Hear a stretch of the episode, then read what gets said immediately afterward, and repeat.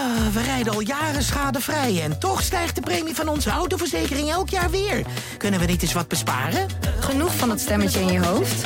Even Independeren. Daar word je altijd wijzer van. Vergelijk nu en bespaar. Welkom bij Independer. Waar ga je heen met De Ondernemer onderweg? Naar Nieuw Business Radio. Experts in zakelijke mobiliteit geven hun visie. Twee wekelijks op dinsdag om 11 uur in het nieuwe radioprogramma De Ondernemer onderweg. Nog nooit werd er online zoveel gekocht als de afgelopen anderhalf jaar. Dat e-commerce stevig in de lift zit, is dus nogal een understatement. Maar die ontwikkeling brengt ook de nodige uitdagingen met zich mee. Want je webshop mag dan als een dolle draaien. Hoe zorg je dat al die pakketjes, maaltijden en andere spullen zo slim mogelijk en zo snel mogelijk bij je klanten thuis belanden? Daar gaan we het uitgebreid over hebben in deze nieuwe aflevering van De Ondernemer Onderweg. Dit is De Ondernemer onderweg met Roland Tameling op Nieuw Business Radio. Ja, er is dus een kleine revolutie aan de gang in de wereld van bezorgdiensten. En de man die daar ons eh, alles over kan vertellen is de CEO van Trunkers, Jan Wijn. Jan van harte welkom in de studio. Dankjewel. Goed dat je er bent. Um, Trunkers, we gaan het straks uitgebreid hebben over jullie bedrijf. En, en hoe jullie de grote bezorgjongens als PostNL en DHL en dat soort zaken um, eigenlijk letterlijk te snel af zijn. Maar laten we eerst even beginnen bij jou als ondernemer. Wat maakt jou een goede ondernemer? Ja, dat is uh, altijd een hele goede vraag. Uh, weet ik eerlijk gezegd uh, zelf ook niet. Okay. Maar ik denk dat als ik het echt samen zou vatten, dat er één ding is wat echt super belangrijk is. En dat is gewoon het echt heel goed luisteren naar je klanten. Ja. En heel goed inspelen op de behoeften die zij hebben. En waar kom jij vandaan? Wat is je achtergrond? Ik heb een, een achtergrond aan de ene kant echt in de logistiek. Dus ja. ik ben na mijn afstuderen begonnen bij Post vestigingen aangestuurd van uh, postbodes. Mm -hmm. Daarna naar TNT Express gegaan en daar ook in heel veel verschillende functies uh, gezeten. Dus heel veel geleerd over het logistieke bedrijf en hoe organiseer je het nou en hoe zorg je nou dat dat zo goed mogelijk gaat. Echt operational excellence, uh, zorgen dat het heel goed gaat. Ja. En daarna ben ik via een tussenstapje bij een consultancybureau ben ik naar vereniging Eigen Huis gegaan. Waar ik uiteindelijk manager van de marketingafdeling ben ja. geworden. En het interessante van vereniging Eigen Huis natuurlijk is dat er maar één partij belangrijk is. En dat is die leden, de Mhm. consumenten. Uh, waar je de diensten voor maakt, waar de belangenbehartiging wordt gedaan. Er zijn geen aandeelhouders die willen dat je winst maakt. Je hoeft alleen maar heel goed te luisteren naar die consument. Dus daar ben je heel klantgericht geworden, zeg maar. Daar heb ik echt heel veel geleerd over. Ja. Weet je, hoe zorg je nou dat je echt goed luistert naar wat die behoefte is van die consument. En, en dat je daar ook zo goed mogelijk op inspeelt met de dienstverlening die je neerlegt. Ja. Maar je hebt dus heel veel ervaring bij, bij TNT onder andere. Want je bent uiteindelijk weer teruggekomen in, laten we zeggen, de bezorgwereld. Hè? Ja. De, de, het versturen en bezorgen van pakketjes. Ja. Um, waarom heb je Trunkers opgericht en wat doen jullie dan anders dan die grote jongens? Uh, dat is wel grappig, want daar kwamen eigenlijk die twee ervaringen bij elkaar. Uh, ik was natuurlijk, uh, ik, ik, werkte daar in die tijd nog bij Vereniging Eigen Huis, maar ik was al wel echt enthousiast over e-commerce, wat in opkomst was, Mhm. mm -hmm. 2014, 2015. Echt nog een hele jonge, jonge bedrijfstak natuurlijk. En je zag dat in het begin echt werd uh, geconcurreerd op prijs. Ja. Vanuit de gedachte nog van ja, we hebben geen winkel nodig, dus je hebt al die kosten niet. Het kan allemaal goedkoop, maar dat bleek niet zo te zijn. Je moet toch uh, zeg maar dingen tegen een bepaalde prijs verkopen om daar ook winst op te kunnen maken. En je zag die hele shift naar veel meer gericht op service en beleving. En dan met name de online customer journey. Daar Ja. wordt heel veel aandacht aan besteed op webshops. Maar wat je veel minder zag was wat er daarna gebeurde. Hè? Dus op een gegeven moment dan kwam een consument in de checkout, die rekende af. En dan vond de webshop, dan was hij min of meer klaar met de customer journey. Ja. Dus dan werd het ingepakt in een uh, mooie bruine doos en label erop. En dan wordt het aan, uh, aan de bezorger meegegeven. En dan is het verder tussen de bezorger en die consument. En dan heb je dus feitelijk als ondernemer niet meer de vinger op de zere plek of het wel goed gaat uiteindelijk. Helemaal niet. Mhm. En wat je in die tijd zag, was dat ze zich daar ook niet echt verantwoordelijk voor voelden. Dus zij dachten, ik heb mijn deel afgerond en nu is het tussen de bezorger en die consument. Ja. Wat grappig is dat die consument dat helemaal niet vindt. Die vindt, ik heb bij jou iets besteld en totdat ik het heb, de doos is opengemaakt en de spullen die zijn zoals ik had verwacht dat ze zouden zijn, Mm -hmm. ben ik in mijn customer journey bij jou als webshop. En dat, dat leidde tot gekke dingen. Namelijk dat, dat uh, als je kijkt naar de uh, webshop reviews over een willekeurige webshop, dat gemiddeld zo'n 70% gaat eigenlijk over hoe die bezorging is verlopen. Oké. Okay. En die was heel erg snel, of juist niet. En het was op tijd, zoals verwacht, of te laat. De bezorger was wel of niet vriendelijk. Allemaal van dat soort dingen. En die worden dan bij die review over die webshop gezet. En die webshop die zegt, dat is eigenlijk wel gek. Want daar heb ik helemaal niet gedaan, zeg maar. Dus je moet mij er niet op aanspreken als die bezorging niet goed gaat. Mhm. Maar zo is dat niet in de ogen van die consument. En dan geldt net als voor mij, ik moet heel goed luisteren naar mijn klant. Ja. Geldt ook voor die webshop.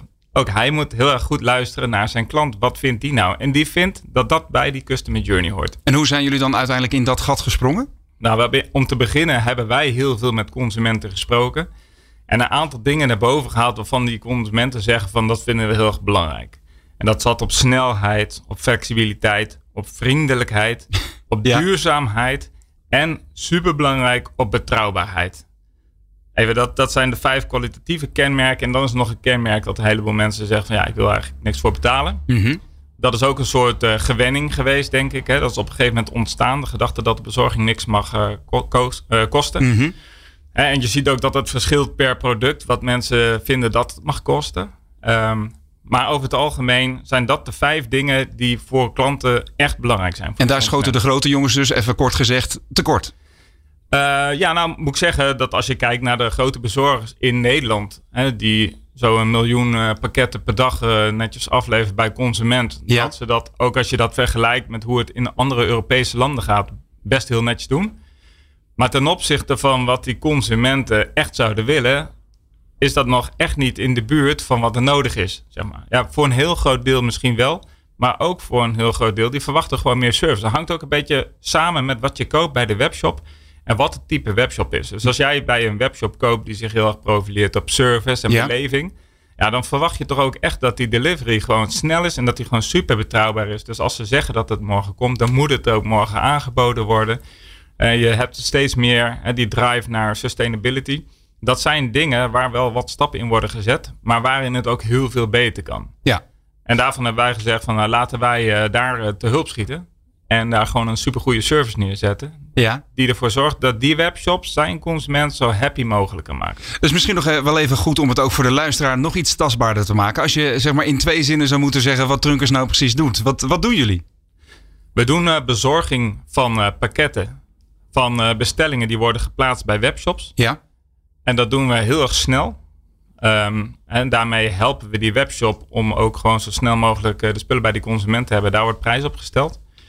Ehm, dat doen we heel erg betrouwbaar. We zijn ongelooflijk gespitst op het gewoon. Nou, we gaan altijd voor 100%, maar laten we zeggen 99% gewoon op het moment dat we beloven voor de deur staan, knock on the door. Eh, en eh, pakketten kunnen afgeven aan die consument. En wat voor percentages hebben de, de andere spelers in dit, eh, in dit deel van de markt, zou je maar zeggen? Nou, wat je natuurlijk nooit hoort is wat de exacte percentages zijn. Maar wat wij van klanten horen die met ook andere partijen samenwerken of Ja. gewerkt hebben. dan ligt daar echt een heel groot verschil tussen de kwaliteit die bij ons wordt geleverd en wat ze in de markt kunnen krijgen. En dat is enorm belangrijk. En het grappige is, uiteindelijk is dat niet alleen belangrijk voor de verbetering in de reviews die ze krijgen op hun eigen webshop. Ja. En het helpt ook echt met het bouwen aan die klantrelatie. Dit is het laatste deel in die customer journey wat zo'n consument meemaakt bij die webshop. Dus als dat heel erg goed gaat, dan is dat een reden om terug te komen. En als dat nou niet heel erg goed gaat, dan is dat gewoon echt een irritatie. Dat is echt een kiezeltje in de schoen waar het gaat om het zaken doen met die webshop. En Precies. dan kijk je de volgende keer gewoon verder. En jullie zorgen er dus voor dat die hele klantenreis, zogezegd, eh, soepel blijft lopen. Absoluut, ja. En we zien onszelf dan ook altijd echt als een marketing tool. En dus dat zeggen we ook tegen, die, eh, tegen de webshop. Ja. En wij helpen jou om ervoor te zorgen A, dat je conversie verhoogt. Hè, en dat zit er met name in voor de middelgrote webshops. In de avond kunnen ze vaak tot een uur of zes, zeven of acht zeggen van vandaag besteld, is morgen geleverd. Ja. Terwijl de hele grote jongens, die kunnen dat veel langer. Hè, die kunnen dat tot 12 uur, tot 12 uur besteld, is morgen geleverd. Middelgrote webshops krijgen niet altijd die mogelijkheid bij de grote bezorgpartijen. En wij kunnen ze helpen om dat wel te kunnen bieden, omdat wij halen het in de ochtend op en in dezelfde avond leveren wij het bij die consument thuis af. Ja. En dat betekent dat je de hele avond kunt zeggen van, joh, tot hè, 12 uur besteld, is morgen geleverd. Mhm. En je komt gewoon de volgende ochtend op je werk, je pakt eh, de pakketten in die eh, eh, besteld zijn en je geeft ze mee en je maakt die belofte waar.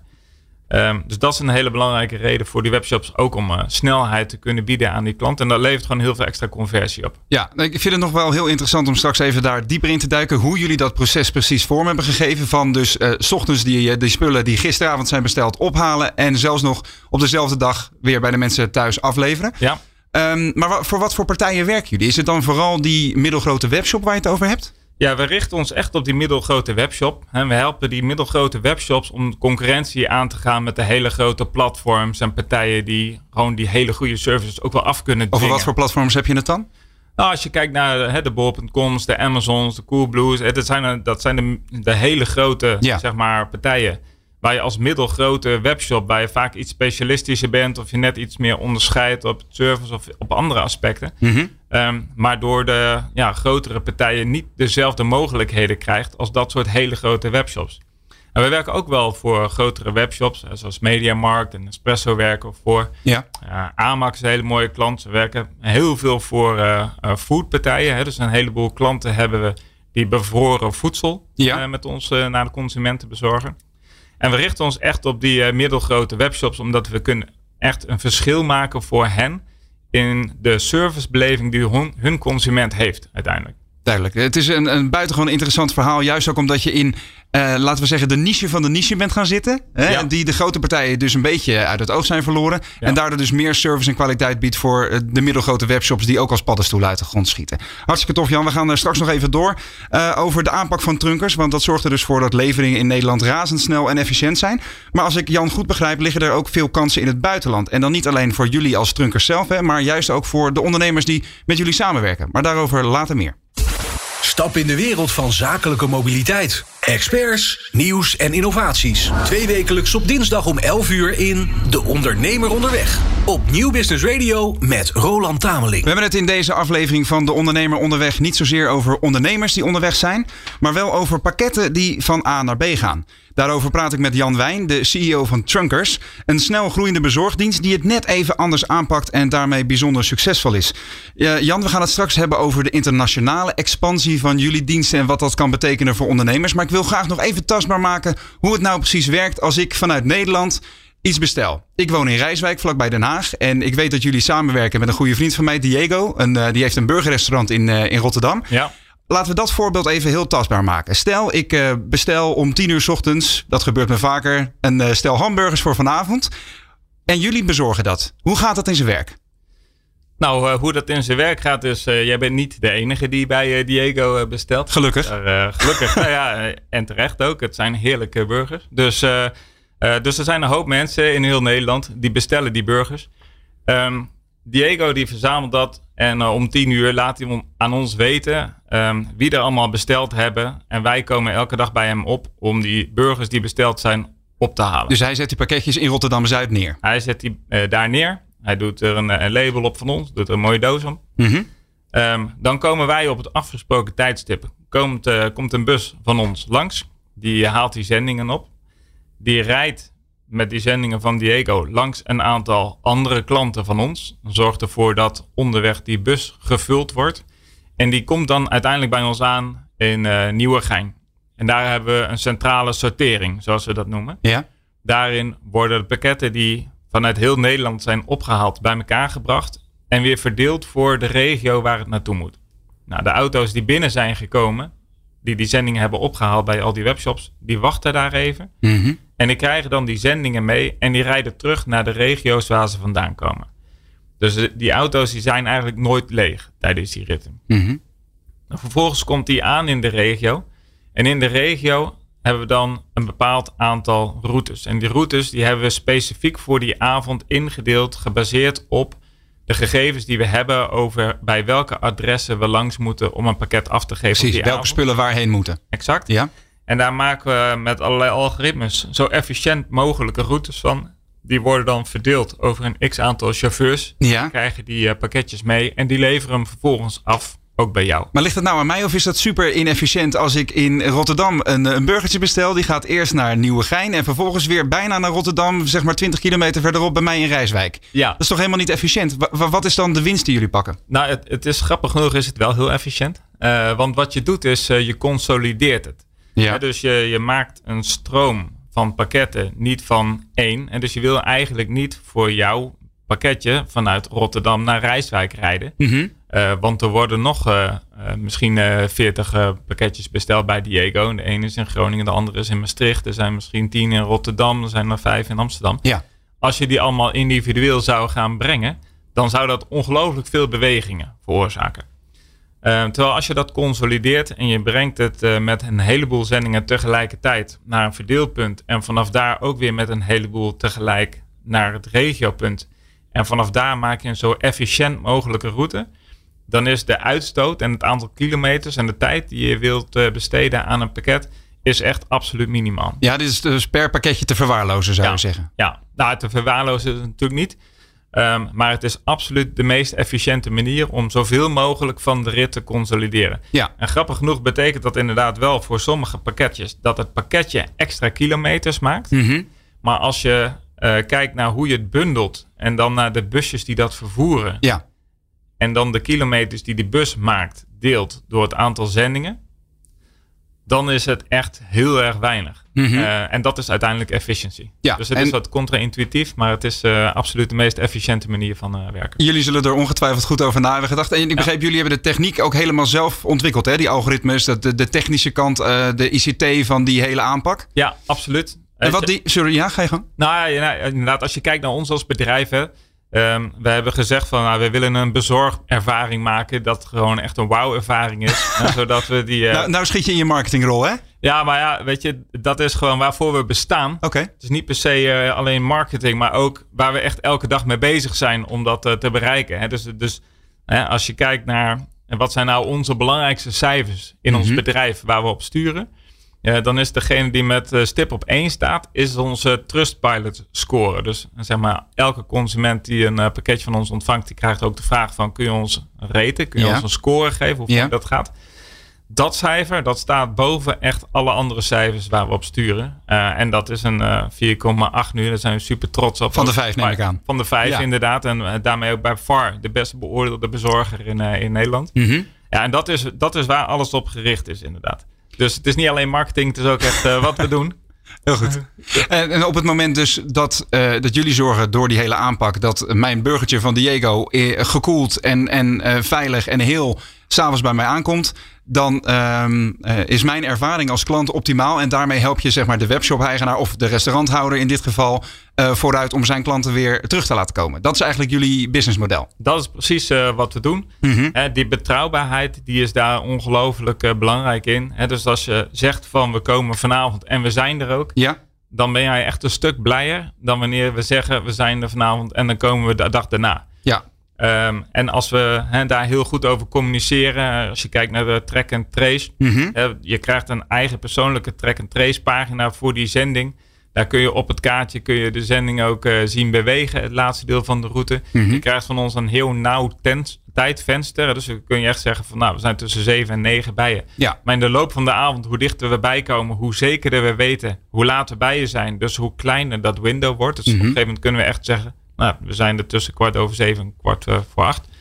Uh, en dat zorgt ervoor dat jij gewoon niet de hele avond uh, hoeft te zitten wachten op een pakketje. En dat soort principes zijn de consumenten natuurlijk al wel gewend van grotere spelers zoals Picnic, die dat soort uh, systemen ook zelf hebben ontwikkeld. Maar het feit dat een middelgrote tot kleine webshop dit nu ook uh, kan bieden, ja. Biedt die meerwaarde. Ja, dat biedt absoluut meerwaarde. Want die, die servicebeleving die is daardoor echt heel erg veel beter ja. uh, dan dat ze normaal kunnen neerzetten. Ja, en, en, en, zou ik het graag nog even met je hebben over die internationale groei. Hè? Want nu uh, ondernemen via internet makkelijker dan ooit is en de, die consument heel graag online koopt, zou je zeggen dat bij wijze van spreken de wereld aan de voeten ligt van elke webshop-eigenaar.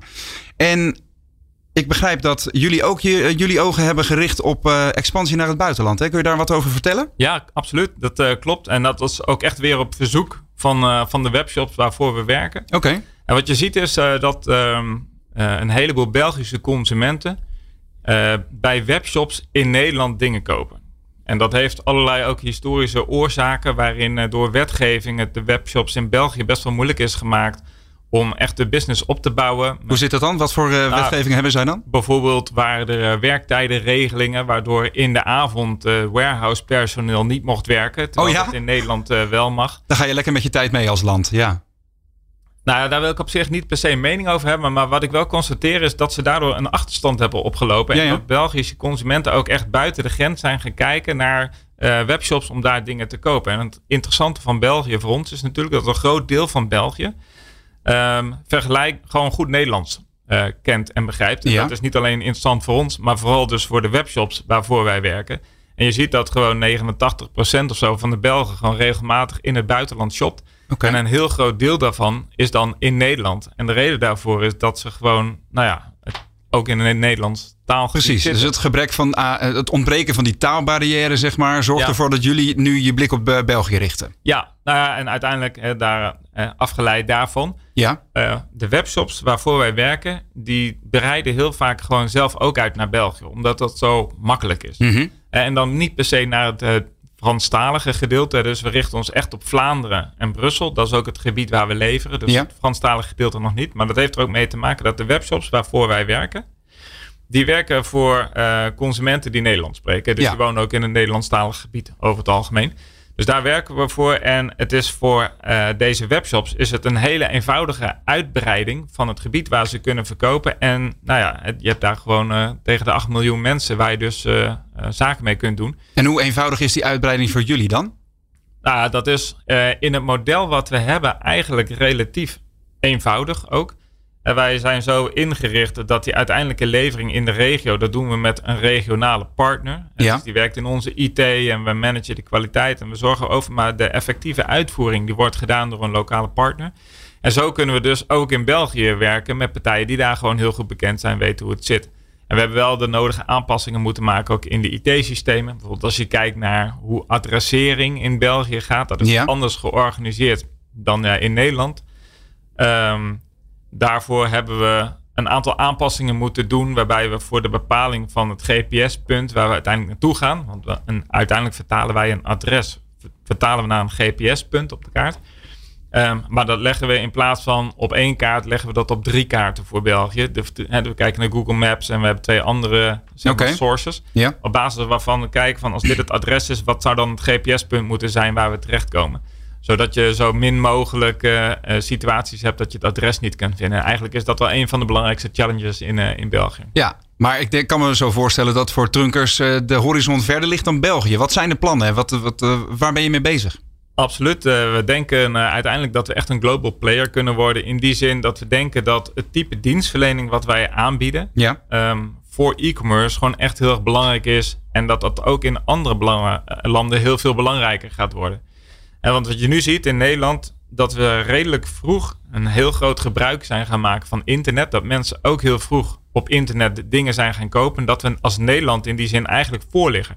En je ziet ook dat onze consumenten daarin dus voorliggen. En dus ook steeds kritischer zijn op wat ze krijgen, wat de kwaliteit daarvan is. En hoe dat uiteindelijk hun hele e-commerce ervaring beïnvloedt. dus dat is eigenlijk een ideale slijpsteen om jouw businessmodel scherper te krijgen. Absoluut. Weet je, als je het in Nederland goed doet hè, en Ja. onze concurrenten, de huidige bezorgers, eh, de, de grotere partijen, eh, die doen het Europees gezien relatief ook heel goed. Dus je zit ook in, die zin in een heel concurrerend veld. Ja. Dus je moet het buitengewoon goed doen. Wil je hier het verschil kunnen maken, zoals we dat nu doen. En met die learnings kunnen we in het buitenland kunnen we heel snel eh, daar een ervaring neerzetten voor e-commerce klanten die heel veel beter is dan wat ze gewend zijn. En hoe, hoe maken jullie dan exact het verschil ten opzichte van bijvoorbeeld grotere spelers? Als, hè, als eh, ondernemer kun je natuurlijk ook kiezen voor eh, wel die versturingen via bol.com of via Amazon of ga zo maar door. Eh, waarom zouden die mensen, die ondernemer die nu zit te luisteren, dan bij jullie terechtkomen? Ja, dat, dat is wel goed om dat even uit elkaar te halen. Maar je hebt twee verschillende dingen. Bol.com of Amazon, die hebben van die plaza's. En dat is echt een verkoopkanaal. Mhm. Dat ondernemers kunnen gebruiken om de producten die ze verkopen, zeg maar via extra kanalen weg te zetten. En daar zit die verzending dan niet in. Dat is niet per se eh, die verzending. Oké. Wij zijn echt met die verzending bezig. Specifiek ook speciaal voor de webshops die ze zelf hebben. We krijgen ook veel zendingen mee die dan via bol.com zijn besteld. En die dan alsnog door ons worden bezorgd, zeg Oh, maar. Dat kan ook. Ehm, maar wij werken echt met de webshop zelf, zeg maar. Dus dat zijn twee dingen die je ook aanvullend op elkaar eh, kunt gebruiken. Ja, maar goed, je had het net over een onderscheidend vermogen ten opzichte van die andere manieren van bezorgen die zij bijvoorbeeld bij Amazon ook kunnen, kunnen aanklikken natuurlijk. Ja. Waarom, waarom zouden ze dan alsnog voor jullie kiezen? Nou, uiteindelijk is het niet de webshop die daarvoor kan kiezen. Dus je hebt eh, Bol Plaza Ja. en je hebt de eigen webshop van Bol.com. En bij die eigen webshop van Bol.com heeft Bol.com natuurlijk met hun bestaande dienstverleners eh, gewoon een hele goede afspraak gemaakt over het type bezorging wat mensen kunnen krijgen. Ja, Ehm, diezelfde kwaliteit en then some, die bieden wij ook aan die middelgrote webshops. Zodat ze ook ten opzichte van het bol.com, wat bol.com echt vanuit zijn eigen webshop verstuurt, kunnen concurreren waar het gaat om de delivery services. En zodat je niet in de avond, als iemand zit te shoppen, eh, Mhm. op jouw webshop moet zeggen: als je nu bestelt, krijg je het over twee dagen. Maar gewoon tot 12 uur kunt zeggen: als je het nu bestelt, heb je het morgen. Net zoals dat jouw belangrijkste concurrent het misschien wel kan. Eh, heel veel eh, consumenten die zijn echt wel geneigd om zeg maar, bij de middelgrote webshops te kopen. Daar zit vaak ook veel meer emotionele binding aan. Dat is vaak veel preciezer aligned met Mi- zeg maar, de doelgroep. Misschien kennen ze de oprichter. Ga zo maar door. Ja. Al dat soort dingen zijn heel goed mogelijk. ja. Ehm, maar uiteindelijk is hoe snel kan ik het hebben? Of weet je, kan ik het in de avond krijgen? Dat zijn gewoon belangrijke factoren voor mensen om te beslissen bij wie ze het eh, laten komen. Zeker als de prijs niet heel veel uitmaakt. Ehm, en wij bieden dan dus die middelgrote webshops die mogelijkheid om het gewoon eh, eh, net zo goed of beter te doen dan, dan die hele grote partijen. Want je zegt net, de Nederlandse consument is bovengemiddeld verwend. Wat zijn nog meer wensen die zij willen dan? En, en, en in hoeverre kunnen jullie dat leveren? Ja, ik weet niet of ik verwend heb gezegd. Ah, dan leg ik dat het- gewoon in je mond. Ja, ja dat, dat Nou ja, vermoedelijk. kritisch, maar kritisch. ze- Je- ze je zijn, zei kritisch ze zijn eh, kritisch en Ja. gewoon eh, zelfbewust. Net zoals dat je uiteindelijk zelf ook kiest voor wat voor winkelervaring je wil hebben. Ja, Ehm, en de manier, hè, hoe lang wil je bij een kassa wachten en dat soort dingen. En dat zijn allemaal gewoon hele normale dingen om te vragen ook van een, eh, van een, eh, een webshop. ja. En, en eh, zij zijn zich gewoon steeds meer bewust van wat er mogelijk is. ja, maar ze zijn natuurlijk wel in zekere zin verwend, omdat er zoveel mogelijk is in Nederland. Ja, en dat is op zich nog niet heel lang, hè? Want als je kijkt naar vijf jaar geleden, dan was het echt nog, als je iets bestelde, kreeg je tussen 9 en 5 geleverd. Ja, En daar kon je niks aan veranderen. En dan dacht je van, ja, ik ben dan aan het werk. En dan, inderdaad kreeg je dan zo'n briefje in de bus, dat ze de volgende dag om dezelfde tijd zouden terugkomen. En denk je, ja, ben ik er weer niet. ja. En dan gaat het naar zo'n punt, en dat punt gaat om eh, vijf uur dicht. En eh, daar word je gewoon niet blij van. En dat is iets waar de consument zich echt wel van heeft uitgesproken. Dat dat gewoon echt niet kan. Het gebeurt nog steeds. Hè. In de bestandaard eh, delivery zie je vaak dat er nog maar één keer een poging wordt gedaan. En nog steeds dat het naar een, een pakketpunt toe gaat waar je Ja. het dan op moet halen. Nou, in mijn geval zit dat eh, zeg maar bij de standaard eh, eh, partijen zit dat iets van zes kilometer verderop. En gaat gewoon echt om half vijf dicht. Ja, dat is gewoon echt niet wat je als consument wilt natuurlijk. Dat is niet je wil gewoon, de klant is koning, je bent de consument, dus je wil gewoon behandeld worden, gewoon als een serieuze partij, je betaalt ervoor. Ja, Ehm, en niet eh, worden behandeld als het, de laatste schakel in een operationele keten. ja. Dat het gaat, het gaat nu al heel veel over flexibiliteit. En er gaat bij mij altijd een soort belletje klinken van... eh, flexibiliteit betekent hogere kosten over het algemeen. Daar gaan we het straks nog even verder over hebben. Want ik ben natuurlijk ook benieuwd wat al die bewegingen... en al die verzonden en bezorgde pakketjes... voor gevolgen hebben voor de duurzaamheid van je onderneming. Altijd onderweg van A naar business? Experts geven hun visie over zakelijke mobiliteit in het nieuwe De Ondernemer Onderweg. Twee wekelijks op dinsdag om 11 uur met Roland Tameling. Hoe efficiënt en doordacht het systeem van Trunkers ook is, al die bezorgbusjes op de weg geven natuurlijk wel te denken over de duurzaamheid van e-commerce en die same-day delivery. Maar zoals gezegd, Jan, daar praten we straks nog even over door. Want eerst is het tijd voor drie opvallende nieuwtjes uit de wonderenwereld van mobiliteit. Ten eerste, het Helmondse zonneautomerk Lightyear heeft een aantal toptechneuten van de Britse sportwagenbouwer McLaren overgenomen. Het gaat onder meer om Philippe Humbrecht, die bij McLaren verantwoordelijk was voor de lancering van verschillende sportwagens. Bij Lightyear moet hij gaan zorgen dat de eerste zonneauto van het merk, de Lightyear One, straks ook daadwerkelijk naar de eerste klanten gaat. Eerder wist de veelbelovende Brabantse start-up al 40 miljoen euro aan extra financiering veilig te stellen. En het is veelzeggend dat vooraanstaande werknemers van andere merken nu langzaam maar zeker gaan overstappen naar de pionier uit Helmond. Autofabrikant Hyundai gaat samenwerken met mobiliteitsaanbieder WeDrive Solar. De twee bedrijven gaan zich richten op de ontwikkeling van slimme energiesystemen van nieuwbouwhuizen. Daarbij dienen de elektrische auto's van Hyundai als een extra opslag van duurzaam opgewekte energie. Die stroomt vanaf de zonnepanelen op de huizen in de accu's van de auto's. Maar zodra dat nodig is, kan de auto ook weer stroom leveren aan het huis via een speciale laadpaal. De oprichter van de WeDrive Solar was trouwens eerder te gast in de Ondernemer Onderweg, waarin we onder meer over deze plannen hebben gesproken. Die aflevering kun je natuurlijk terugluisteren als podcast. En Nederland is alweer een nieuw automerk rijker. Het gaat om Cupra. Dat label kende je voorheen van de sportievere modellen van Seat. Maar vanaf nu staat het merk dus ook op zichzelf. Cupra, dat staat voor een samentrekking van Cup en Racing, noemt zichzelf een merk voor autoliefhebbers en blijft zich richten op modellen die bovengemiddeld sportief zijn. Uiteindelijk wil Cupra alleen nog maar elektrische modellen op de markt brengen, eh, die dus vanaf begin tot eind online te bestellen zijn. Hoe neem je als ondernemer de juiste afslag als het gaat om zakelijke mobiliteit?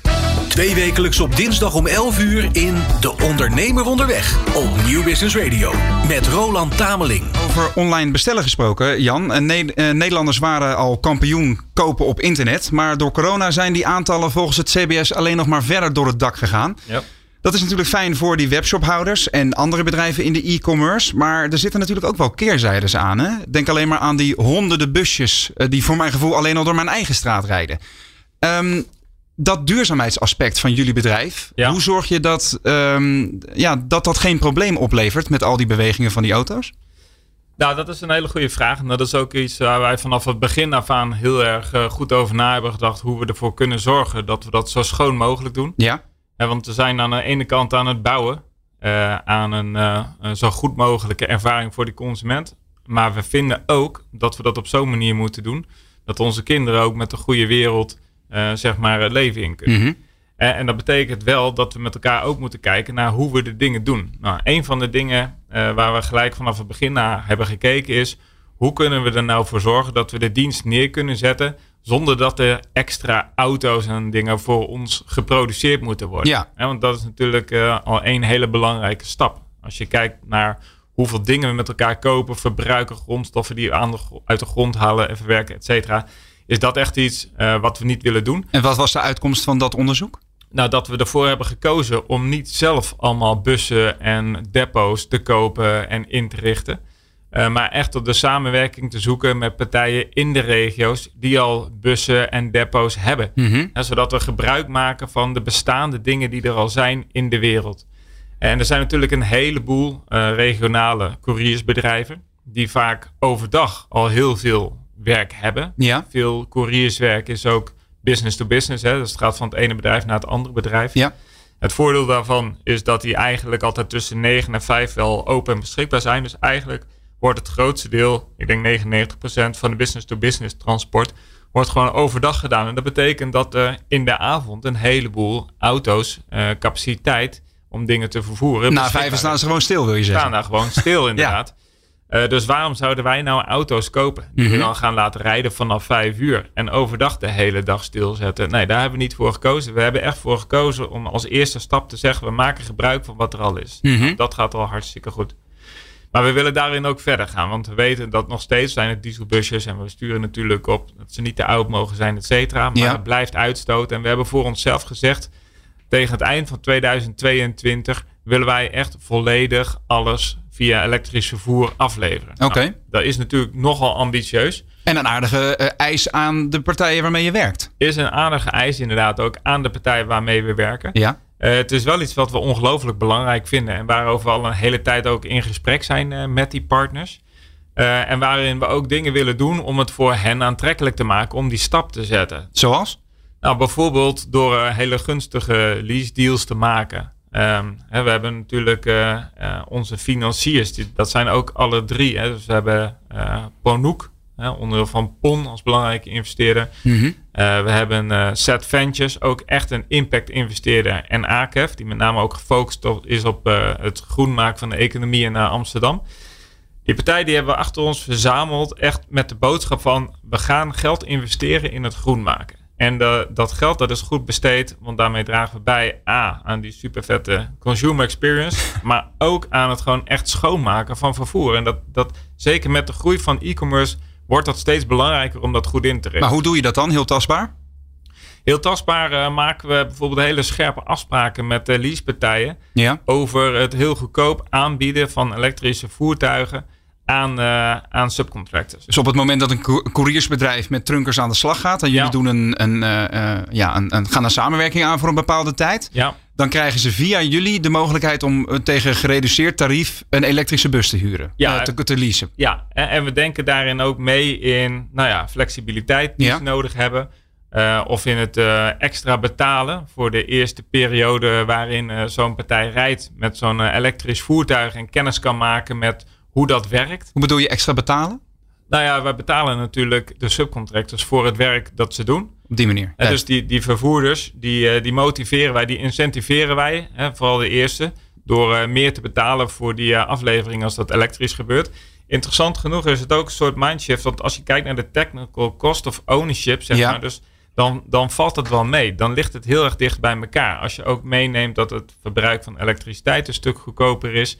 Dat er veel minder onderhoud nodig is. Dat de levensduur van die bus een stuk eh, langer is. Dan heb je het over elektrische bussen ten opzichte van brandstofbussen, zo Ja, gezegd. Hè? Dus die, die zijn weliswaar wat duurder in aanschaf. Ja. Maar de TCO, wat je net omschrijft, die, die, die, die totale gebruikerskosten, Ja. die zijn lager omdat er minder onderhoud is. Eh, je hebt eh, geen dieselkosten. Dus in, in principe is het voordeliger om op elektriciteit te rijden. Ja. Dus dat soort, eh, dat bredere kostenplaatje probeer je ook uit te rollen voor die subcontractors. Exact. En dan is het vaak ook zien is geloven. Dus die eerste auto's, nou, daar helpen we dan echt mee om dat gelijk vanaf het begin af aan al wat eh, gunstiger geprijsd te krijgen. Dus daarmee doorbreek je die argwaan een beetje. ja, we laten gewoon zien hoe goed het werkt, hoe prettig die auto's ook rijden, hoe makkelijk het is om te zorgen. Zeg maar, een, van de dingen waar we vaak tegenaan lopen, dat partijen zeggen, eh, gaat bijvoorbeeld over de range van die auto's. Ja. Nou, daar kun je twee dingen over zeggen. Eén, die ranges die neemt enorm toe. Er wordt ongelooflijk veel geïnnoveerd, dus je ziet dat die afstanden al enorm toenemen. Dat gaat hard inderdaad. Ja. Maar effectief ook als je kijkt naar hoeveel kilometers auto's rijden, dan valt dat echt ongelooflijk mee. Omdat ze vaak toch in hun eigen regio blijven. Mhm. Dat is overdag zo, maar ook eh, zeg maar, als ze routes van ons rijden. Er worden gewoon heel veel stops gedaan bij een hele hoop consumenten. Maar Ja. het is niet zo dat daartussen nou elke keer tientallen kilometers zitten. Nee, en met een beetje geluk moet je met bijna elke elektrische bus nu wel dat rondje wat we net bespraken. Hè, van, eh, van Rotterdam naar Nieuwegein, weer naar Rijswijk. En dan daar in de, in de buurt nog een paar eh, andere adressen. Dat red je wel, 9 van de 10 keer. Ja, detail, het is niet die ene bus die dan en van Rotterdam naar Nieuwegein en Rijsdijk en dan het rondje maakt. Je, Mhm. hebt, je hebt een andere bus die rijdt van eh, en naar Nieuwegein. En dan de bus die uiteindelijk die route maakt. En die route die gemaakt wordt, ja, die is gewoon eh, korter. Dus die, eh, eh, die kan makkelijk, ik kan die met die range eh, kunnen ze uit de voeten. Mhm. Eh, dus zowel de, hè, de, de technische limieten, die vallen echt heel erg mee. Dat willen subcontractvervoerders, die willen dat graag zien. Eh, en ook nou, de technical cost of ownership. Hè, dus je hebt een, een beginperiode waarin het mogelijk wat duurder is als je het koopt. Ja. Daarom zetten we daar ook met onze partners een lease deal tegenover. Eh, dat lukt ook niet altijd voor vervoerders om gebruik te kunnen maken überhaupt van een lease deal. Dus dat is al iets wat we beschikbaar maken, wat heel erg prettig is. Want dan hoef je de auto niet te kopen aan de voorkant. Maar kun je dat gewoon eh, in je maandelijkse kosten verrekenen. En slaat die aanpak een beetje aan bij jullie eh, partners nu dan? Ja, we zijn daar nu hard mee bezig. Hè? Dus je ziet al dat we op verschillende plekken echt meters aan het maken zijn. Dus in, in Amsterdam hebben we de nou, 50% of zo van alle zendingen worden nu al elektrisch afgeleverd. Ja. En dat is voor eind mei is dat eh 90%. In Den Haag eh, doen we al alles eh, elektrisch. We zijn nou bezig in de buurt van eh, Eindhoven om auto's eh, eh, live te krijgen daar. En dan zit zo'n 50% ook in die regio eh, gaat eh, elektrisch. Mhm. Dus we zijn daar fors meters mee aan het maken. We zijn daar ook heel veel mee aan het experimenteren. Een van de uitdagingen is natuurlijk nog het, eh, het snel laden. Wat je natuurlijk ook wilt faciliteren, zodat het zo min mogelijk eh, tijd kost. Eh, daarvoor zijn we ook met verschillende partijen aan het schakelen. En daar blijken allerlei modellen voor te zijn. Er zijn ongelooflijk veel partijen die daarin ook willen investeren. Iedereen begrijpt dat we met elkaar die, die transformatie naar elektrisch rijden aan het maken zijn. En dat een hele laadinfrastructuur daarbij hoort. Dus Ja. Er wordt heel veel in geëxperimenteerd en, en eh, gefinancierd ook. En zonder samenwerking ga je dat, dat nieuwe werken natuurlijk nooit eh, laten doorbreken. Is ook zo. Mhm. En er liggen ook gelijk enorme kansen hè, voor partijen die daarmee eh, aan de weg aan het timmeren zijn. Ja. Ehm, en ook een behoorlijke afname natuurlijk van ons. Als ze met ons die samenwerking kunnen vinden. Dus daar is ook heel veel interesse voor. Dus dat, dat, dat kan gewoon heel snel gaan nu. Hoe zit dat eigenlijk aan de consumentenkant? Want als ik eh, pakketjes bestel, dan zie je tegenwoordig wat opties. Hè? Ik wil met één blaadje laten bezorgen, één groen blaadje of met drie groene blaadjes. Maar dat eh, elektrisch bezorgen is voor mij dan als consument wel duurder. Of eh, hoe staan jullie daarin? Nou ja, onze bedoeling is niet om het duurder te maken voor die consument. En dat is ook echt wel de reden dat we hebben gekozen voor impact investeerders, zoals ze zichzelf dan noemen. Dus die hebben zelf ook echt die ambitie om die transitie te maken naar duurzaamheid. En zijn ook bereid om daar wat financieel gewin voor in te leveren. Om te zorgen dat, dat die transformatie eh, versneld wordt. Ehm, dat is een eh, heel erg belangrijk ding. En twee is, we denken ook niet dat het, goed, dat het duurder hoeft te zijn. Ja, dus eh, het gaat er met name om dat we in die beginperiode hebben wat investeringen te doen. Maar daarna kunnen we gewoon die groenere service kunnen gewoon aanbieden voor de prijzing zoals we die nu hebben staan. Dus de consument hoeft daar niet per se meer voor te betalen. Oké, en hoe zit het met die langere afstanden? Als we dan nog even het voorbeeld van de uitbreiding naar België erbij halen. Ja. Dat zijn simpelweg meer kilometers. Ja, Zorgt dat dan ook nog voor grotere uitdagingen? Nou ja, dat, eh, hè, de hele lange routes. Als je een route hebt die langer is dan de maximale range van zo'n auto. Ja. Dat zou een eh, uitdaging zijn. Goed, we bouwen op. Je ziet ook dat die techniek zich heel snel ontwikkelt. Dus we richten ons op het eerst vervangen van de kortste routes en pakken de steeds langere routes. En ik denk dat het echt maar eh, eh, minder dan 10% is van de routes die nu nog te lang zouden zijn in Verdol. En dan met name inderdaad in die Belgische regio Ja. eh, voor levering met elektrische voertuigen. Eh, maar tegen de tijd dat we bij dat segment komen om dat elektrisch te maken, zijn we van overtuigd. Dan zijn er al lang vervoersmiddelen beschikbaar Mhm. die 400, 500 kilometer aan range hebben. En veel meer dan dat eh, gaan we nooit nodig hebben. Oké, dus als ik het goed begrijp, hebben jullie eigenlijk je, je hoofdkantoor en een distributiecentrum in Nieuwegein. En dat is zeg maar wat jullie zelf aan investeringen hebben gedaan. ehm, afgezien dan van de samenwerkingen met de partners die voor je rijden. Ja, en dan is het zelfs zo dat wij eh, eh, ons distributiecentrum het, eh, in Nieuwegein, hè, waar de centrale sortering gebeurt, ook daarvoor hebben we de samenwerking gezocht met gewoon een, een hele mooie partner. Dat is Nox, dat is Nighttime Express. En wat zij doen is levering bij servicemonteurs bijvoorbeeld Ja. in de nacht in de auto's van die monteurs. Zodat die 's ochtends de spullen in de auto hebben die ze de volgende dag nodig hebben. Ehm, en zij werken dus alleen s'nachts. En wij werken alleen overdag. Dus eh, eh, ook daar vanuit duur- duurzaamheidsdoelstellingen hebben we echt wel voor gekozen om de samenwerking met hen te zoeken. En elkaar op die manier eh, te versterken. Ja.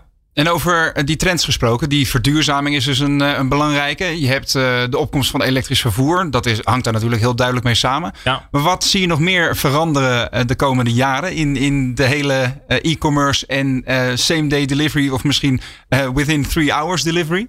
Ja, ik denk hè, er gaan steeds meer vormen komen waar consumenten uit kunnen kiezen. Ik denk dat een hele belangrijke trend is dat de consument ook steeds meer begrijpt dat die optie er is. Mhm. Nu is het ook nog wel vaak zo dat een consument misschien accepteert dat iets gewoon niet de kwaliteit heeft die hij had gehoopt, omdat ze niet weten dat er alternatieven er zijn. En er wordt natuurlijk steeds bekender dat die alternatieven er wel zijn en dat een webshophouder daar ook voor kan kiezen. Dus Ja. dus dat, het, zeg maar, dat een webshophouder ook daarop wordt aangesproken en zegt van ja, vind je mij nou echt zo belangrijk? Wil je mij dan niet gewoon die hele goede service bieden? En zorg dat het gewoon echt betrouwbaar is. Dat het gewoon in de avond komt op het moment dat ik thuis ben. Dat Ja. het groen is. Maar ik denk dat heel weinig consumenten weten wat Trunkers is en wat jullie toevoegen, zeg maar. Is het dan niet een gemis dat jullie niet, eh, iedereen kent die karretjes van Picnic, dat jullie niet een eigen herkenbaar busje hebben met de naam Trunkers erop, zodat je weet, oh, maar die gasten die, die, die doen wat ze beloven. Ja, dat, dat, aan de ene kant zou dat vanuit branding zou dat echt wel interessant zijn Ja. om dat te doen. Eh, tegelijkertijd vanuit onze duurzaamheidsfilosofie wil je per se dat die bus overdag ook kan worden gebruikt voor andere partijen. En dan helpt het niet per se als er trunkers op de zijkant staat. En dus dat is iets wat we in de toekomst misschien opnieuw gaan beschouwen. Maar nu hebben we er echt voor gekozen om te zeggen van laten we die middelen zo eh, inrichten dat die gewoon de hele dag door gebruikt kunnen worden. En daarmee hè, onze bijdrage te leveren aan het verminderen van die footprint. Ja. En waarom zou je dit soort, eh, zeg maar, jullie technologie niet aanbieden aan de PostNL en de TNT's van deze wereld? DHL. Ik denk dat eh, zij natuurlijk hun eigen technologie hebben. Daar ook hun eigen architectuur in hebben. En, eh, Maar jullie zijn flexibeler. Ik denk dat wij een, een stuk flexibeler zijn als je kijkt in de markt, in wat er mogelijk is en wat wij kunnen bieden dan een hoop eh, van andere partijen. Ik denk dat wij onze IT ook zo hebben ingericht dat we echt heel snel kunnen schakelen ook op veranderende behoeften van Ja. de hele gedachte is dat we die, die niet van die consument blijven volgen en daar continu in eh, voorop blijven lopen. Ehm, en ik denk dat dat op zich perfect is ook dat die dingen naast elkaar bestaan. Hè? Dus je hebt de PostNL waanzinnig goede operational excellence. Ehm, hè, voor de standaard leveringen, misschien voor de 80%. Dus Zij dat- doen de bulk en jullie doen eh, de kruimels, maar dan wel op een hele positieve manier. Ja, voor die webshops die echt met die servicebeleving bezig zijn. Daar zijn wij dan eh, voor. En voor een heleboel andere partijen die dat misschien niet nodig hebben. Is het perfect dat je gewoon eh, de PostNL daarnaast hebt. Die gewoon ook een prima job doet, zeg maar. Ja, Ehm, en zeker wat ik zei, vergeleken met een hoop andere Europese partijen. Ehm, Maar jullie voegen in ieder geval iets toe. En dat is een toekomst waar in ieder geval een hoop beweging en eh, muziek in zit. Jan, dankjewel voor dit gesprek. En eh, heel veel succes met Trunkers. Ik hoop dat jullie heel veel economisch eh, verantwoorde ritten gaan maken. En ecologisch verantwoord ook. En aan jou als luisteraar hartelijk bedankt voor je aandacht en je tijd. Mocht je deze aflevering nog eens rustig terug willen luisteren, dan kan dat natuurlijk. Elke editie van De Ondernemer Onderweg vind je als podcast op alle bekende podcastplatforms. Wil je ondertussen meer interessante nieuwtjes en achtergronden over mobiliteit voor ondernemers? Houd dan ook vooral onze website deondernemer.nl in de gaten. Graag tot de volgende en als je vandaag nog onderweg gaat, goede reis. Waar ga je heen met De Ondernemer Onderweg? Naar Nieuw Business Radio. Experts in zakelijke mobiliteit geven hun visie. Twee wekelijks op dinsdag om 11 uur in het nieuwe radioprogramma De Ondernemer Onderweg.